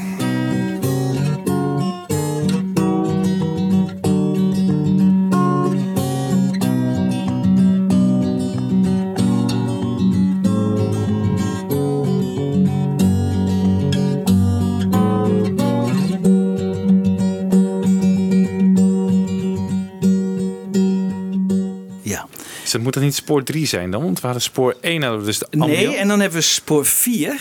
Oh, 4. Ja, eh, dat is spoor 1, sorry. Eh, dit was spoor 2. En dan eh, komen we terug op spoor 1. Maar goed, we, we, we, we- alle vier sporen behandelen we even in, in omgekeerde volgorde. Dat is de tapping. En nu zegt Mark Lewison, die zegt... Dit is een metronoom, wat je op de achtergrond hoort. Talloze boeken hebben dat ook overgenomen. Maar McCartney zelf spreekt over foot tapping. En hij heeft ook die interessante schoenen aan... die we ook, dacht ik, op All You Need zien. En ook in het boek van ehm Sgt. Pepper. Je kent wel die, die, die tweekleurige schoenen. Eh, eh, er staat een hele grote foto van in het boek. Die, eh, en dat zijn echte waarschijnlijk schoenen om mee te tappen of zo. En ehm, die heeft hij aan. En je ziet op de filmbeelden ook dat hij echt met zijn voet mee zit te tappen. En dat, dat daar ook een microfoon op gericht is. Dus het is een wonder waarom ehm, Lewis dat zegt. Want anderen zeggen weer nou, eh, reacties uit Amerika van... Nou ja, als dit een metronoom is, dan weten ze in Engeland niet wat een metronoom... want hij speelt heel slecht en onregelmatig. En dat kan natuurlijk ook omdat McCartney gewoon met zijn voet eigenlijk ehm mee, meetapt. Laten we even horen wat McCartney erover zegt. En laten we dan nog even horen hoe dat dan ook klinkt op die, eh, op dat spoor. A few of them at that time were very personal. And so when you'd come to record them, the band would often say, well, look, there's no point us being on that. You know, something like uh, Blackbird, for instance.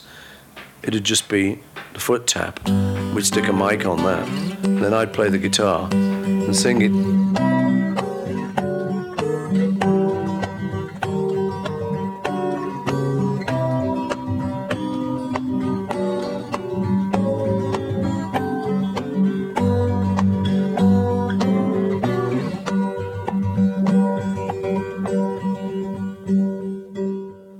Dacht vroeger ook altijd dat het een... eh, Metronoom was? Ja, of zoiets. In ieder geval een slaginstrumentje of zo. Het is Maar dus ja. gewoon zijn voet eigenlijk. hè. Heel mooi klinkt dit erbij hoor. Ja. Heel eh, rustiek.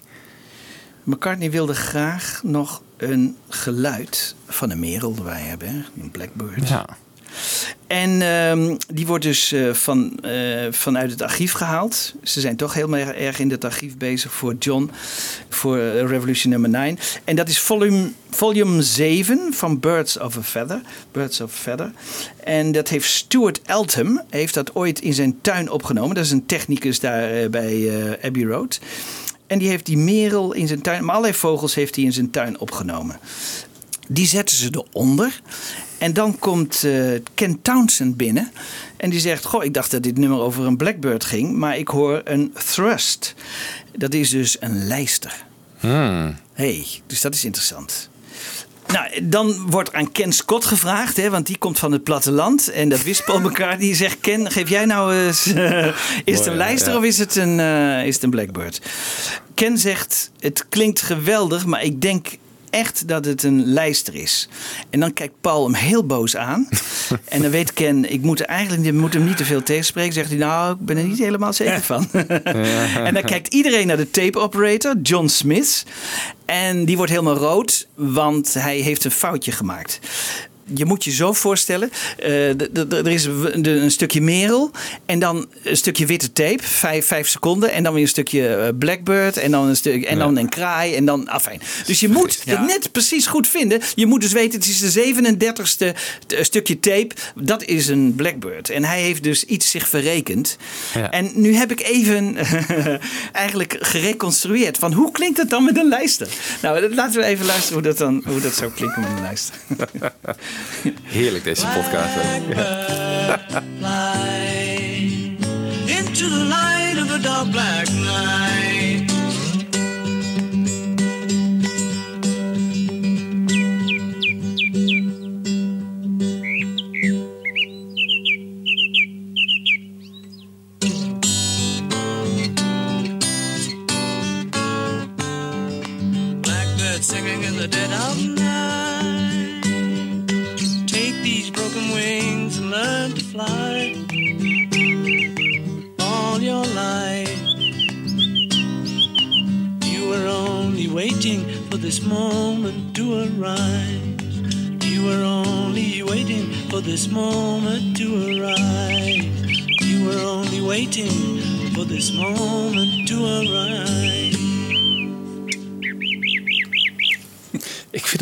Te agressief, deze lijst.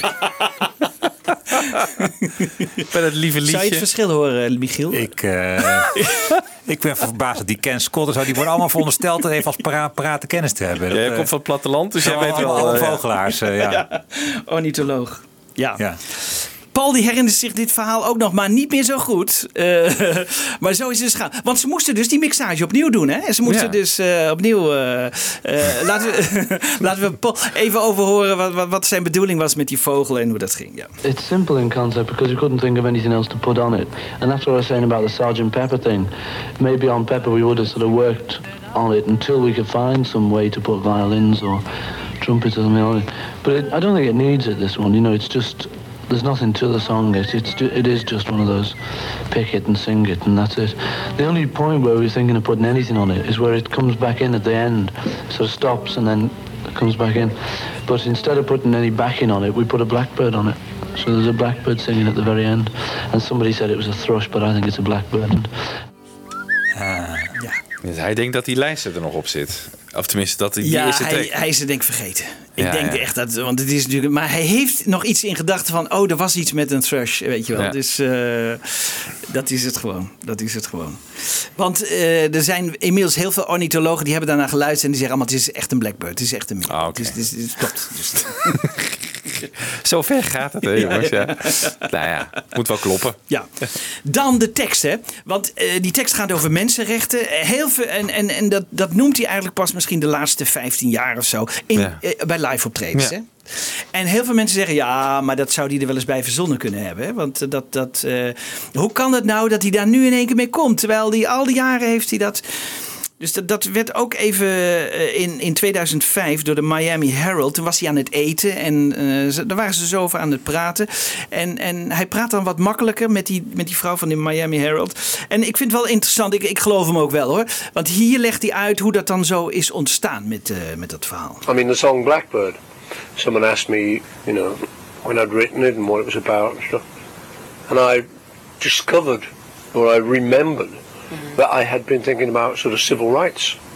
And I, would since I'd, I'd started to think it was just about a bird. Right, right.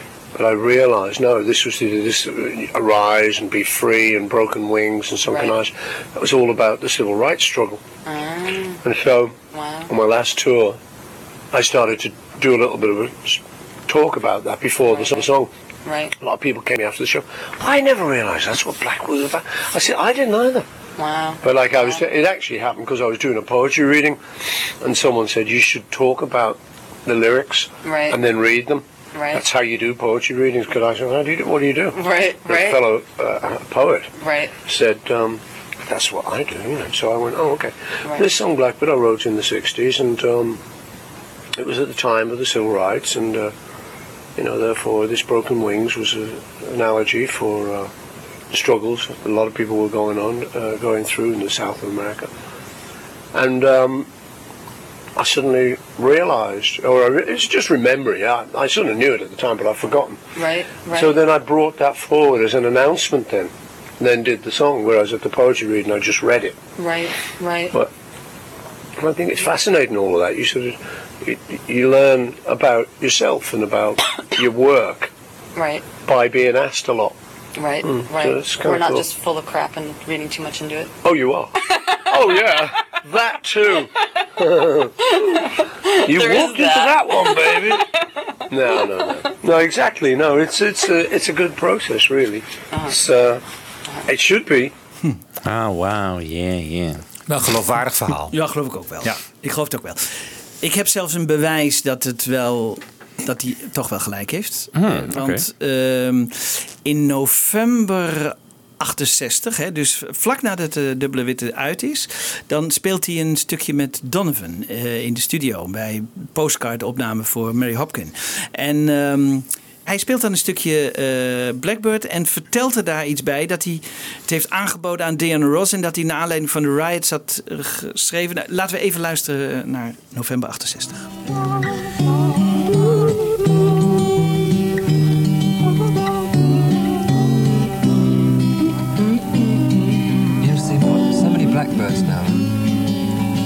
I said, sang it to Diana Ross the other night. She took offence. Not really. but I didn't mean it like that originally. I remember. Really? yeah, I just read something in the paper about riots and that. Bird singing in the dead of night. Take these broken wings and learn to fly. All your life, you were only waiting ah, for this moment. It's funny because when you were just singing, I was saying, what a what a way to cut a colour a blackbird. You know, so many beautiful colours to lift a blackbird into people's eyes. So it's that's why. But you'll see so many blackbirds as well. When I wrote about a magpie, so every time I drive now, they cross the path of you everywhere you go, as if they're going. Thanks, John. got it, got it, John. Oh, flush. Nice one. Beautiful. Beautiful. Ja, hij zegt dus hè, dat hij het heeft geschreven naar aanleiding van eh riots waar hij over heeft gelezen in de krant. Dus nou ja, dat is november 68. Dus we mogen toch wel aannemen dat, eh, Ja. Ja. dat het klopt. Nou, dan zijn we er bijna. Ehm, Jeff Emmerich beweert nog dat het nummer buiten is opgenomen. Ja. Hè? ja. Eh, en er zijn boeken, echt, niet dit boek, maar er zijn verschillende boeken die zeggen: ja, we, we horen ook eh, de. Eh, want er zijn eh, opnamen van, eh, van dit nummer, dat zonder vogels. En, en die heb ik ook even bijgenomen. En dan schijn je dus in die pauze, hè, want hij pauzeert een heel kort moment Mhm. voordat hij weer doorgaat. Nou, dat heb ik even heel hard gemaakt. En toen dacht ik in één keer: hoor ik daar nou een vogel of niet? Maar ik denk toch dat het de, de gitaar is. Laten we even luisteren naar dat moment van die stilte. En ik hoor daar een piepje en ik denk, dacht even een vogel, maar goed, ik denk het niet meer hoor. Kijk,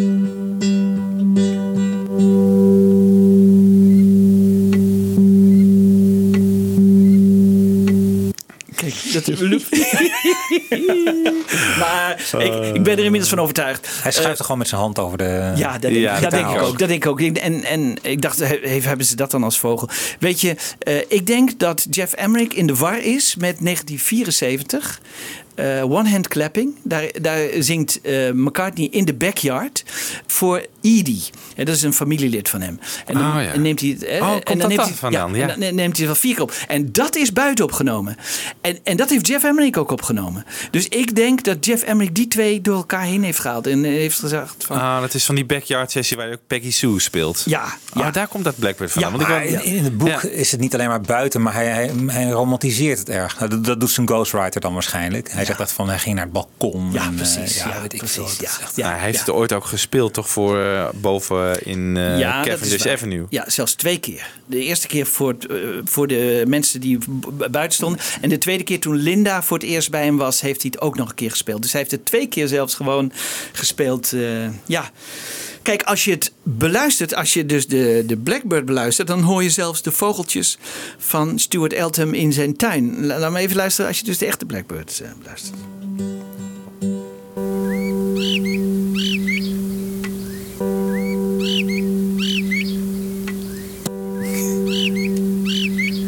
Hoor je? Daar hoor je Ja. nog wat vogeltjes op de achtergrond. Dat, is, dat zijn de vogeltjes van. eh, in de tuin van Stuart Eltham toen Dat hij het in niet- 1965 heeft opgenomen. Hè? eh, Ah. Voor Birds of a Feather, voor die, voor die Maar tape. is dat dan ook de merel? Dat weet ik niet of dat is een goede. dat is dat had jij moeten uitzoeken, Jan dat had ik moeten uitzoeken. Jongens, eh, het is een iconisch nummer. Ja, Ehm, fantastisch nummer. Ook beter Ja. dan het nummer Thrush in the Dead of Night. Ja.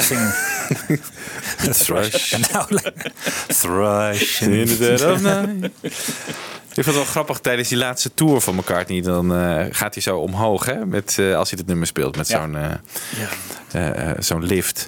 En dan vertelt hij ook dat ja, jullie hebben allemaal dit nummer verkeerd geleerd op gitaar te spelen. Want het is natuurlijk een nummer dat ja, als beginnend gitarist, of nou beginnend, maar als je gitaar speelt, iedereen heeft het nummer gespeeld. Dus jullie hebben het allemaal fout gedaan. Kijk maar eens hoe het moet. En dat was vond ik wel een mooie intro Ja. toen hij dit nummer ging spelen. Ik hoorde het verschil niet, maar blijkbaar is het toch anders dan wij allemaal, eh, eh, dan wij allemaal spelen. Grappig. Ja. Ik wil eigenlijk besluiten met eh, 1976 dat hij voor het eerst echt voor een heel groot publiek speelt. Hij doet dat dan heel goed en eh, weet je, dat is, dat is interessant. En eh, weet je, hij heeft dan is goed bij stem en eh, het publiek is heel enthousiast. Hoort het voor het eerst moment. eigenlijk. Echt Hè? Dus, Ja. dat is echt, eh, dus daarmee wil ik eigenlijk eindigen eh, deze eerste aflevering van eh The White Album. Yes, tot de volgende. Tot de volgende keer. Yes. I'd like to change over to my other piano.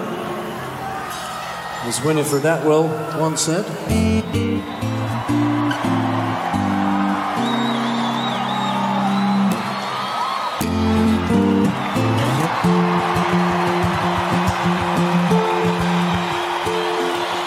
Blackbird singing in the dead of night.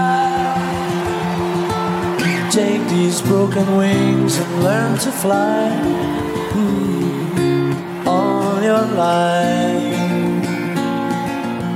You were only waiting for this moment to arise.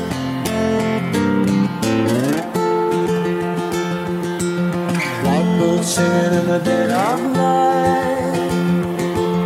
Take these sunken eyes and learn to see alive. You were only waiting for this moment to be free. Blackbird fly. Blackbird fly into the light of the dark black night.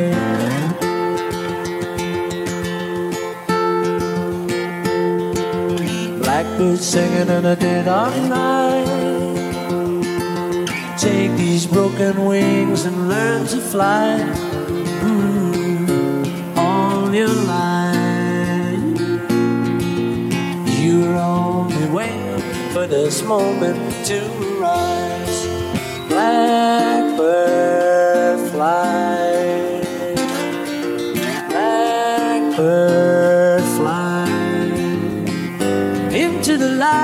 Dark black night.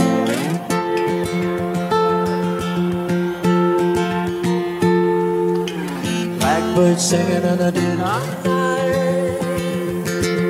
Take these sunken eyes and learn to see mm, all your life. You're only waiting for this moment to be free. Waiting for this moment to be free. You're only waiting for this moment to be free. Fab Forecast. Luister ook naar Fab Forecast via beatlesfanclub.nl.